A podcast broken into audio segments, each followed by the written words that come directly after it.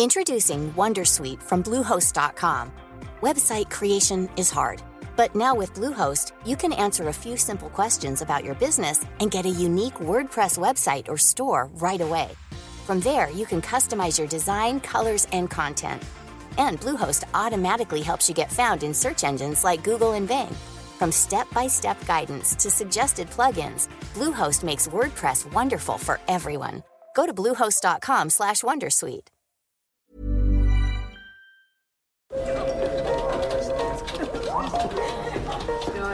Dette er lyden av norsk næringsliv. Akkurat nå tas det små og store valg som kan bli avgjørende for fremtiden. Med økonomisystemet X-Leger tas disse beslutningene basert på informasjon i sanntid, slik at drømmer og ambisjoner kan bli virkelighet. Få kontroll og oversikt, gå inn på xledger.no. Denne sendingen er sponset av Xleger.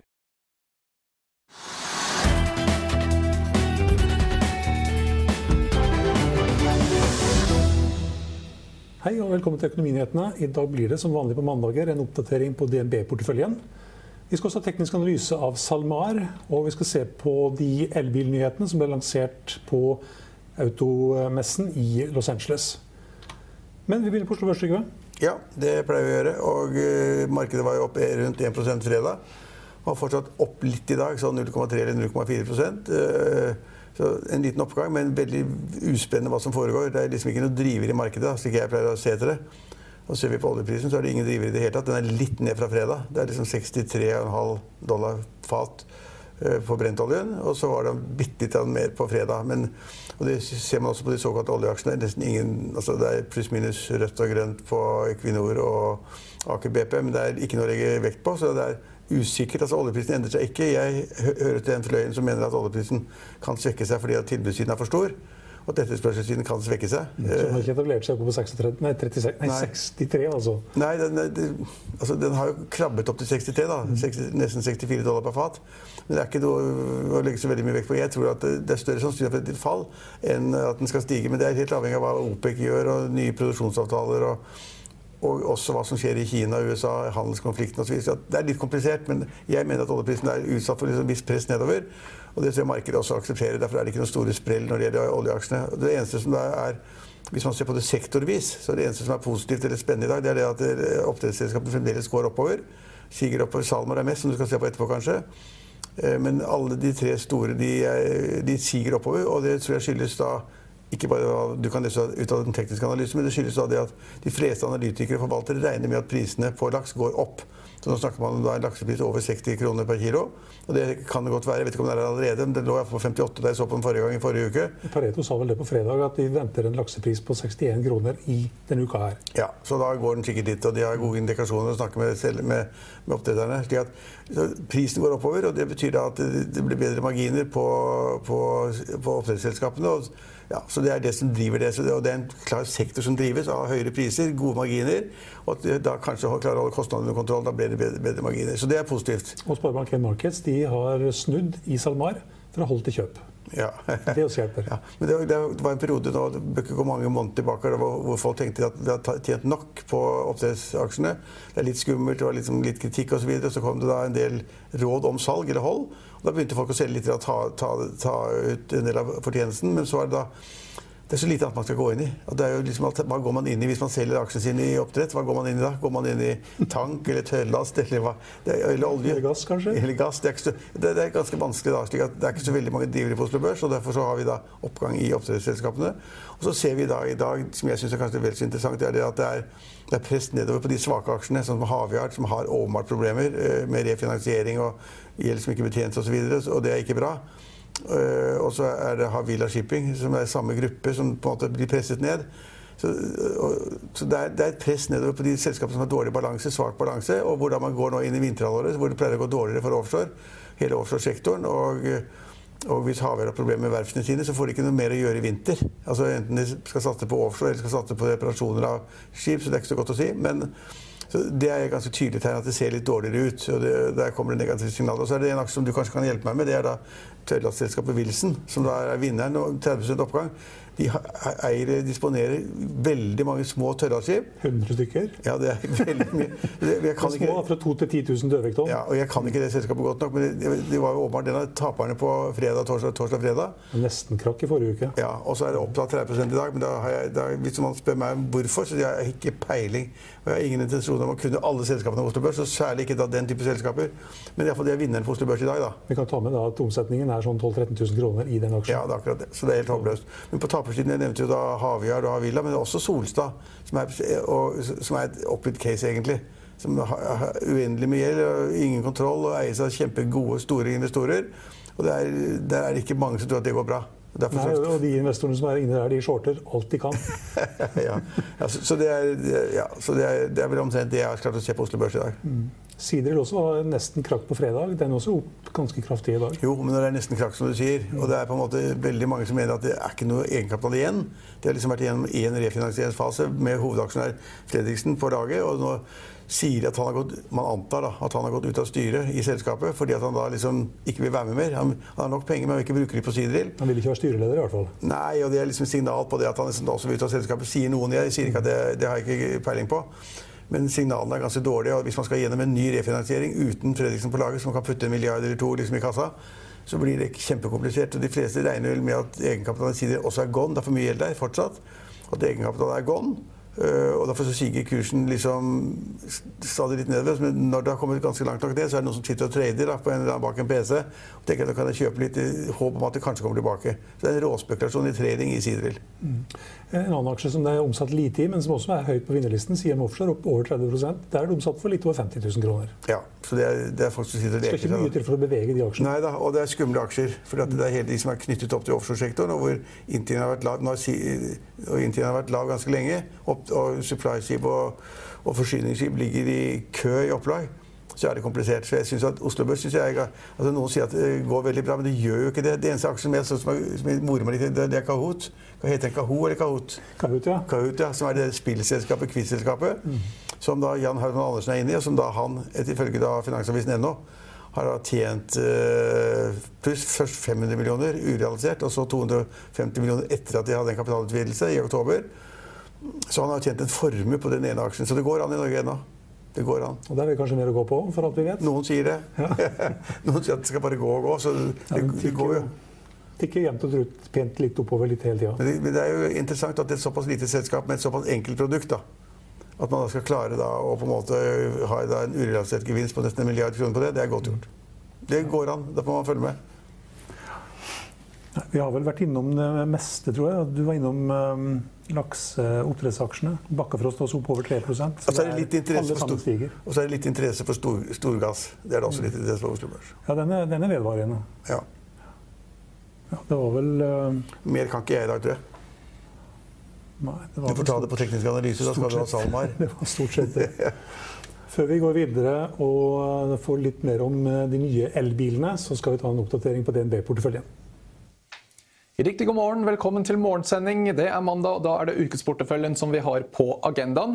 Det var en forholdsvis grei uke forrige uke. Porteføljen var opp 1,1% mot indeks opp 0,5 Hittil i år så er porteføljen opp 15,9% mot indeks opp 15,0 hvis vi ser litt på hva som eh, beveget seg mest i porteføljen forrige uke, så var det en eh, bra uke for Frontline. Det har begynt å komme seg litt eh, igjen nå etter noen litt tunge uker.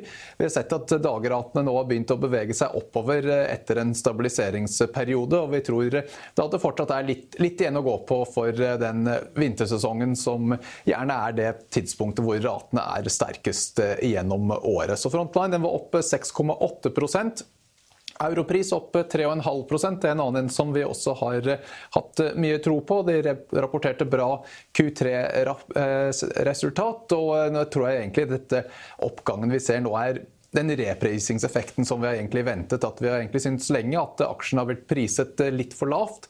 Og nå som vi ser at de begynner å levere, så kommer den multiplen gradvis eh, oppover. Så Europris også en eh, positiv bidrag for porteføljen. Og Lerøy også var oppe 2,8% forrige uke. Det kommer etter en veldig dårlig uke uken før, når de rapporterte skuffende Q3-tall. Så til en viss grad så er det bare en litt sånn rekyl etter den nedgangen vi fikk forrige uke. Det blir litt interessant å se hvordan den klarer å holde seg denne uken, nå som ting kanskje stabiliserer seg litt. litt at analytikerne og investorene har fått litt mer tid å tenke seg gjennom caset der. Det som ikke fungerte like bra forrige uke, var eh, bl.a. Evry og Entra.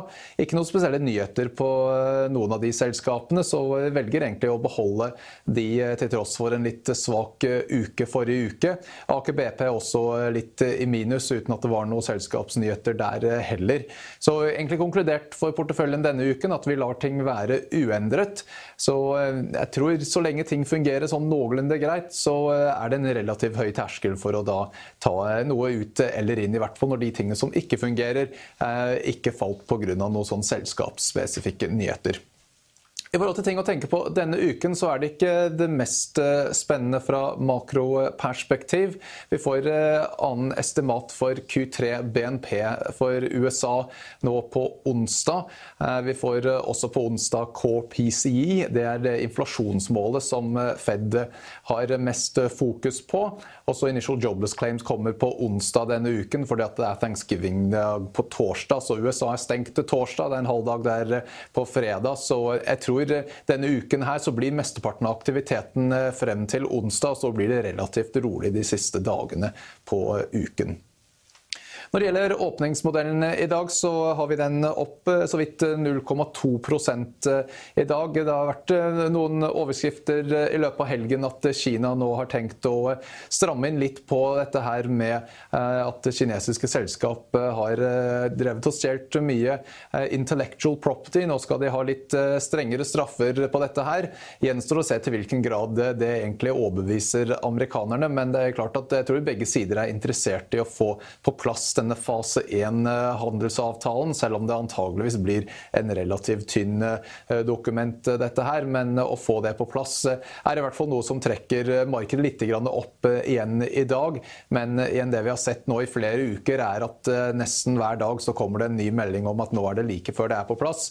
Allikevel så klarer det å få en liten positiv bevegelse ut av markedet, selv om det egentlig ikke er noe nytt som kommer hver gang. Så det gjenstår å se helt om det kommer noe ut av dette her eller ikke ikke, men så lenge det er håp, så eh, gir det en viss positiv effekt på markedet. Så regner med at det blir en liten positiv åpning i dag. Ingen endringer i porteføljen, og da er vi tilbake en samme tid i morgen. Ja, Nå kommer neste generasjon elbiler, og vi med oss journalist i Finansavisen Nicolai Gill. Velkommen. Hei sann. Du kommer rett fra automessen, eller bilmessen på si, i Los Angeles. Ja, stemmer. Og Hva er det som kjennetegner den nye generasjonen med elbiler? Det er da kampen om rekkevidde, og så er det litt eh, rett og slett design. da. At det liksom virker at det er uh, Tidligere så har man jo mest satset på å sette en elbilramme liksom, under en konvensjonell bil som man kjenner fra før av. Mens nå begynner det liksom å skje neste generasjon igjen, hvor det er fokus på et ganske nytt og heftig design som liksom er eget elbil. Og da chassis under er også designet rundt batteripakken som en elbil fra starten av, istedenfor å bare være men, som en attpå. Men før vi glemmer rekkevidden, før du går opp på design og sånn. Altså, er, er, det mulig å lansere en elbil nå som ikke går minst 400 km? Ja, og det er det som er litt morsomt. fordi jeg snakket med eller, ja. Men 400 er jo på en måte ikke 400, det er jo 300, liksom. Hvis man tenker på svinn og varme og kulde og alt mulig der, så er det noen som tør det. Det er det. Og det er ikke så rart, fordi, men uh, disse bilene som har litt mindre rekkevidde, det er gjerne noe de mest, mer erfarne elbilkjøperne går for. Når du er førstegangskjøper og skal kjøpe elbil, så tenker du oi, oi, jeg må ha den med størst rekkevidde. Så da er det gjerne at den førstegangskjøperen kjøper den med størst rekkevidde, størst batteripakke. Men så er det gjerne når du skal kjøpe bil nummer to da, og allerede har eid elbil, så tenker du hm, jeg bruker jo egentlig ikke all den rekkevidden, så da går det gjerne for en batteripakke mindre. Du må jo nesten, Hvis du skal komme ned på Sørlandet, så må du klare 400 km. Langt der til Hemsedal. Du har jo vært 1000 ganger i Hemsedal. Ja, det er vel knappe ja, 25 km eller noe sånt. Ikke? Okay, så da må, du, da, må du, da, må du lade, da må du lade underveis eller der oppe da, før du kjører tilbake eller sånn, for å komme hjem? Nei, faktisk. Du kommer dit med de fleste litt større elbilene. Ja, ja. Du gjør det, også. De som kjører 400-500 km, da. Ja. Mm. Men ikke de som kjører 200 eller 300 eller sånt. For eksempel Audi E-tron. Kommer du fint til Hemsedal. Da har du en 8-9 mil på batteripakka når du kommer fram. Mm. Men hva er de, de, som har dårligst pakke, sånn batteripakke, hvor langt går de? Ja, da snakker vi, da er vi jo i 200 da, på oppgitt, f.eks. Da blir det sånn Fiat 500 E. Fiat 500 E. Ja, En veldig liten bil som egentlig er bensinbil, men som har blitt justert for å putte inn batterier. Men eh, som Trygve er inne på rekkevidde.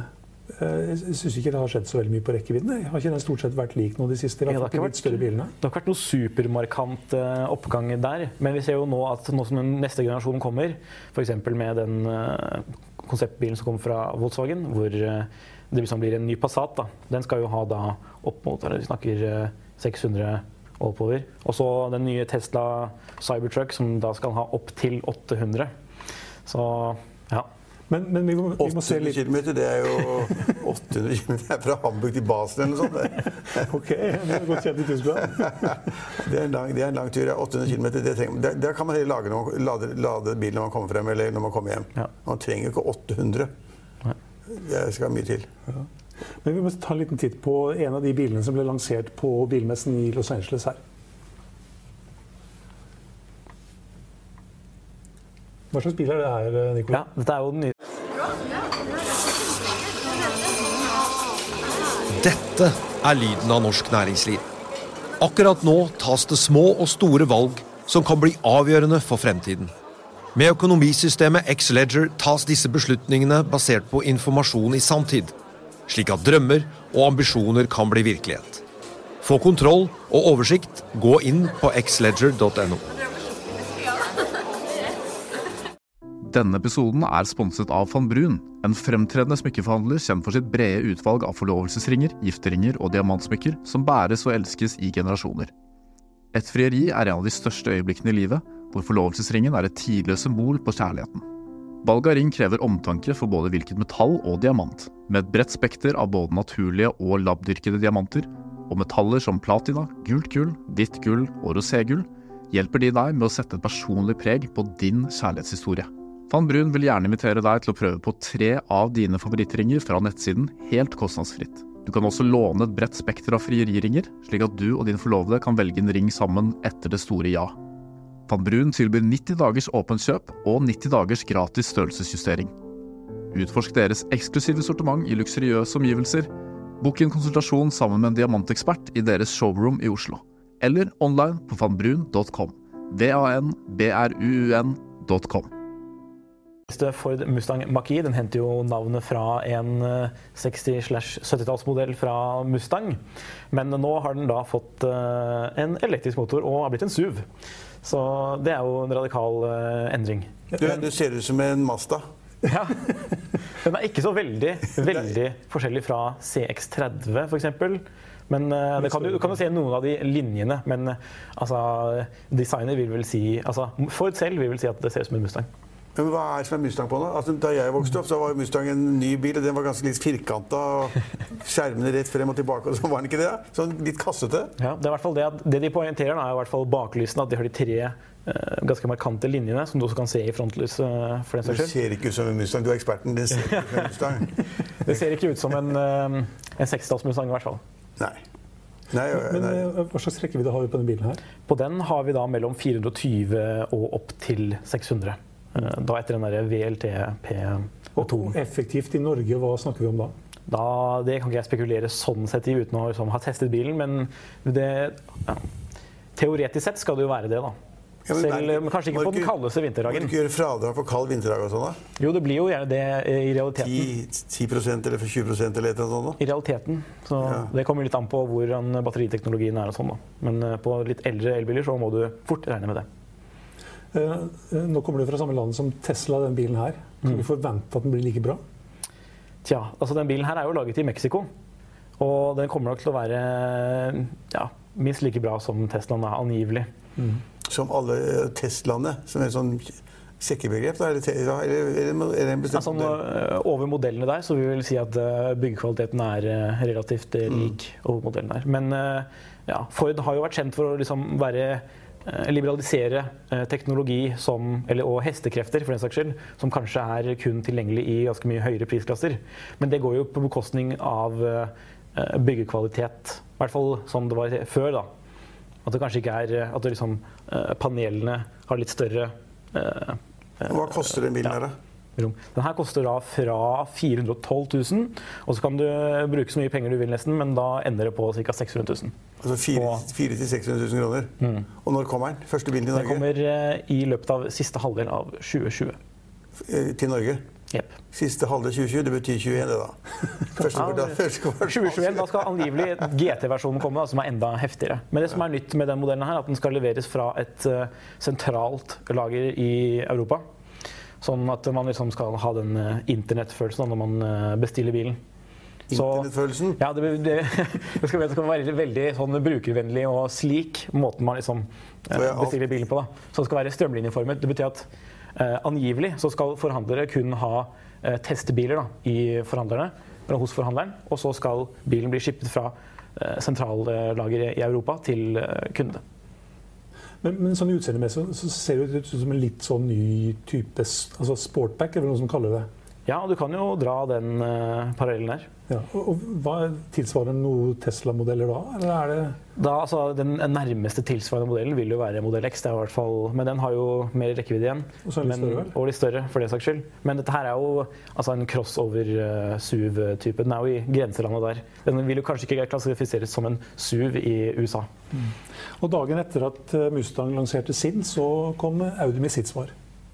Ja, da har vi Audi E-tron Sportback. Den skiller seg ikke sånn radikalt eh, teknologimessig eller med batteripakke eller rekkevidde fra den vanlige E-tronen som vi kjenner fra Norge. Eller fra hele verden, for en saks skyld. Men som har blitt veldig populær i Norge da, på kort tid. Eh, den har litt bedre hva skal vi kalle det, effektivitet da, med tanke på aerodynamikk, så den går kanskje 10 km lenger enn Eh, de bilene ligner sånn på hverandre. De er jo klin like.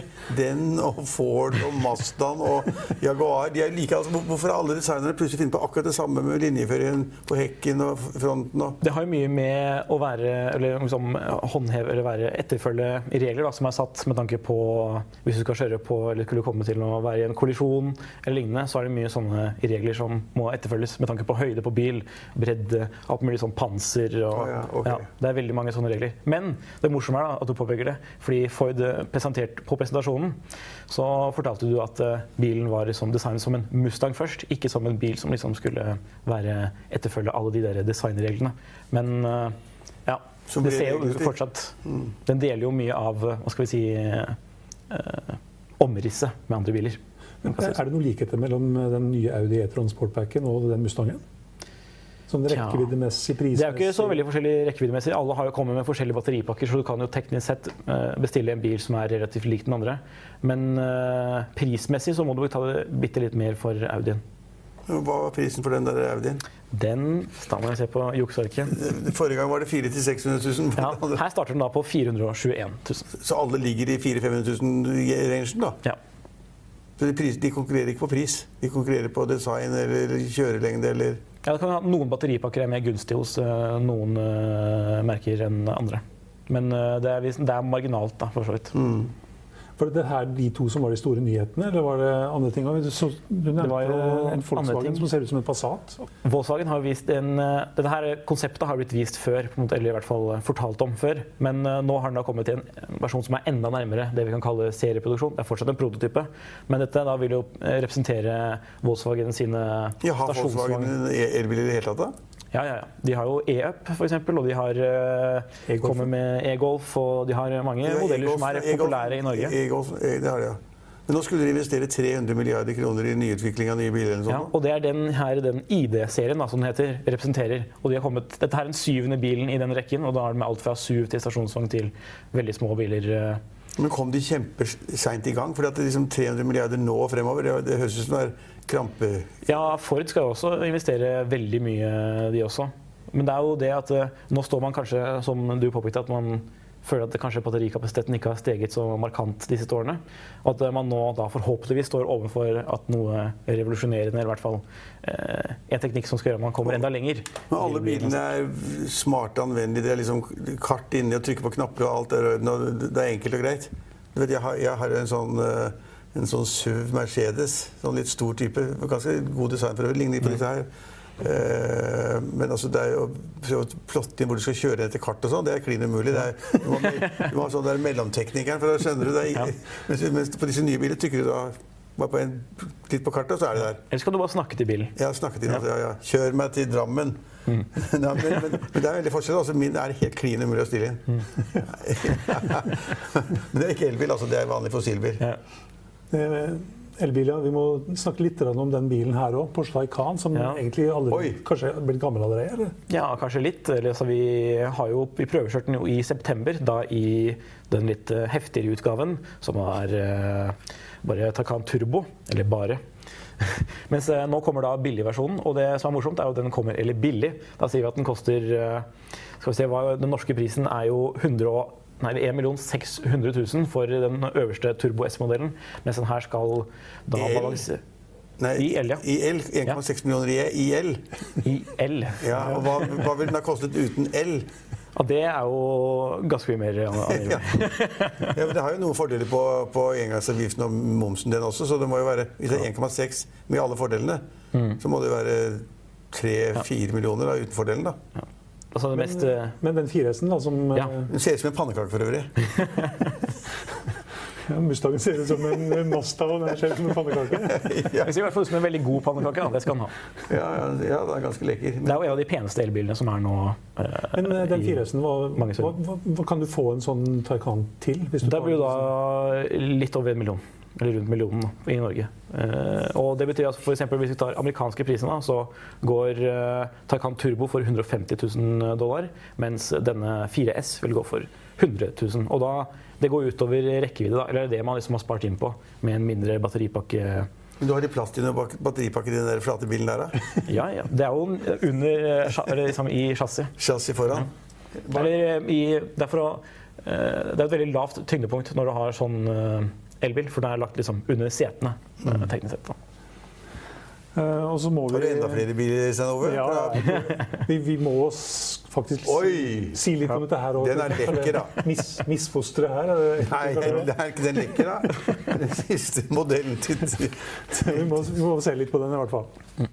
Spesielt med den her er jo at eh, designet, som vi allerede har sett, det er jo helt det er ikke noe man har sett tidligere. Eller du har kanskje sett det i en fantasifilm. Det er sånn, der man har sett det før. Men Du Skal ikke konkurrere med sånne tradisjonelle amerikanske trucker? Angivelig. Angivelig. Men det koster jo, allerede, det koster jo mer enn dobbelt så mye som en Ford F-150. Som, Som er de tradisjonelle bilene på det området- i det og den mest solgte bilen i USA. Ja, nettopp. Og så kommer de og skal konkurrere med den, og så ser den ut som en sånn derre ja, en sånn uh, monster fra ytre ja, Hva heter det for? Ytre rom? Hva heter det for noe? Ja, jeg syns det ligner litt på, Alien. Ja. Alien, jeg synes det ligner litt på Star Trek. Og det er jo liksom, Ja, Ja. nettopp. Men det er jo der ikke Star Wars, men Star Trek. De har hentet litt inspirasjon fra den eh, Blade Runner-filmen og eh, James Bond, 'The Spy Who Loved Me'. Men, men hvordan har mottaket vært eh, på det her? Det har jo vært svært bra, kan man si. Det er jo mange i Norge som har bestilt, eller i hvert fall satsa på sånn reservasjonsliste allerede. Mange da? 1000? Eh, nei, Vi snakker nok litt mer ned, til og med. Over For det er ikke så mye, Du må ikke betale så mye for å sette deg på liste. Jeg tror det er Men altså, kommer du kjøre med den der i Oslo sentrum, blir du satt inn. Tror du har laget en bil hjemme? Det er gjerne sånn at eh, hvor mange som eh, setter seg på den listen, ikke korresponderer eh, nødvendigvis Men med du, hva mange som koster den faktisk bilen ender her? opp med bilen. Hva koster den hvis den kommer til Den koster fra 50 000 dollar. Og en Ford F150, da, som er den mest populære trucken i Amerika, den koster fra 25 000 dollar. Men så var, det, så var det krise da de skulle lansere den. Altså, Jeg er jo ikke biljournalist som deg, men Altså, ja, jeg prøver å ha et klipp av det. Ja, klipp av det, for de skulle, de skulle lansere og så skulle de vise at bilen tålte alt, alle mulige Her ser vi det. Han prøvde å knuse, Ja, hva, Det var du skulle vise for noe at vinduene ikke ja, bulletproof. ja, Bulletproof, ja. Ok. Og så kastet de en stein på ruta, og så bare gikk en stein rett igjennom. Han gikk ikke gjennom, da. Det skal, Nei, man lagde det var- lagde i hvert fall en stol. Prøvde to ganger, da. Prøvde to ganger. Det ble iallfall et eller annet svær skade på ruten. Ble knust begge ganger. Ja. Så Men hva, hva var poenget med at en Tesla skal være bulletproof? Nei, det kan du si. Nei, det, At de som kjører Tesla er mer utsatt for å bli skutt på, eller? ja, det er uvisst. De sa ikke noe om det. Hvorfor, altså? Han tålte et sleggeslag, da. Ja, men hvorfor skulle det- bilen være bulletproof? Det har vel noe med Jeg vet ikke om det er spesielt kjøpegruppen, men at uh, hvis de først kunne gjøre det, så er vel det i Musks uh, interesse at de skal prøve å gjøre det, i det minste. Og, og når kommer den bilen der? Den blir jo da om to år, hvis ikke hvis jeg forstått det riktig. Slutten av to 2021. år- To år frem i tid? Jeg skjønner ikke at de orker det. altså. Mm. en sånn bil. Nei, jo, jo, nesten uansett bil. Jeg orker stå på venteliste. Men det var jo veldig, det, det, altså jeg er jo litt sånn utålmodig. Det ville jeg ikke orket. Men det var det, var jo altså det store spranget for Jaguar da de kom med sin elbil nå. Det var mange tusen på venteliste. Ja. Og de har solgt alle sammen. Alle er glade, alle er fornøyde. Det er en flott bil, det har god design og går bra, lang rekkevidde og sånn. Så det, det var, der, var, der lønte det å stå på ventelisten lenge. Det var ikke mange tusen, da? 2000-3000 eller sånn? da. Ja, angivelig. Angivelig. Ja, ja. ja. Og de plutselig ble, ble levert ut på løpende bånd, og det har vært en kjempesuksess. Så jeg innrømmer det at det kan lønne seg å stå på, sånn venteliste, stå på venteliste i to år for det der. Det blir kakk. Eh, var det noen andre nyheter på bilmessen i Los Angeles, eller drukna de i alle elbilnyhetene? Nei, Det var ikke bare elbiler. Der er det jo mye sånne modeller som vi kun kan se i USA også. Som f.eks. kjempestore pickup trucks og så lignende. Mye store SUV-er som vi kommer fra merker vi kjenner godt til her, f.eks. Uh, Hundai. Men uh, da med V6 eller V8. og da, det er biler som ikke blir tatt inn av norske forhandlere. Esten Martin? SUV? Nei, det var, eh, De har jo en eh, greie for eh, raske sedaner også, med store motorer der også. Men det er jo igjen modeller som vi dessverre ikke Eller for noen så er det jo dessverre at vi ikke kommer til å se det mye. Før vi blir ferdig med den bilen der den, Tesla. eh, Tesla produserer biler i Kina, så gjør de ikke det? Det, det er jo iallfall like før de begynner, tror jeg. De skal, jeg trodde enten at de var der, eller skulle komme. Men, men de sa ikke noe om å produsere den i Kina. Nei. Kineserne har fått seg en slags sandbrud, tenker jeg. The aliens coming. Har du enda flere biler? Så? Nei, jeg har ikke noen flere elbiler nå. Men uh, du har ikke satt det på liste på noen ennå? Elbil har jeg ikke, men, men, men min, min, sønn har elbil og er superfornøyd med den. Mm. Bortsett fra at eh, Tesla rota bort dekken dekkene hans to ganger. så de var ikke så gode på dekkhoteller eller styring eller logistikk. Men da fikk, da fikk, man noe nye, da. Han, han, sier faktisk, det er ganske interessant, det er mange som lurer på, han sier at servicen fra Tesla nå er veldig bra for tiden. da. Hvis det er noe gærent, så reparerer de med en gang og gir bil og greier. Men de rota bort dekkene hans to ganger. Tusen takk for at du var med oss, eh, Nikolai. I Finansavisen i morgen kan du lese Trygve Egners leder om honoraret til styrelederen i store norske selskaper. Du kan også lese om taperne i bilmarkedet og om alarmgründeren som er på pengejakt. Husk også at du kan høre våre børskommentarer og gjesteintervjuer i vår podkast. Den finner du på finansavisen.no. slash podcast. Det var det vi hadde for i dag, men vi er tilbake inn i morgen klokken 15.30. Følg med oss igjen da.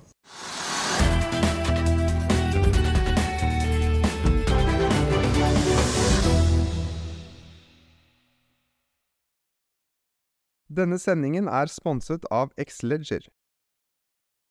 Økonominyhetene er en podkast og videoproduksjon fra Finansavisen. Programleder er Marius Lorentzen. Aksjekommentator er Karl Johan Molnes. Produsent er Bashar Johar. Podkast- og videoansvarlig er Marius Mørk Larsen. Og ansvarlig redaktør er Trygve Hegnar.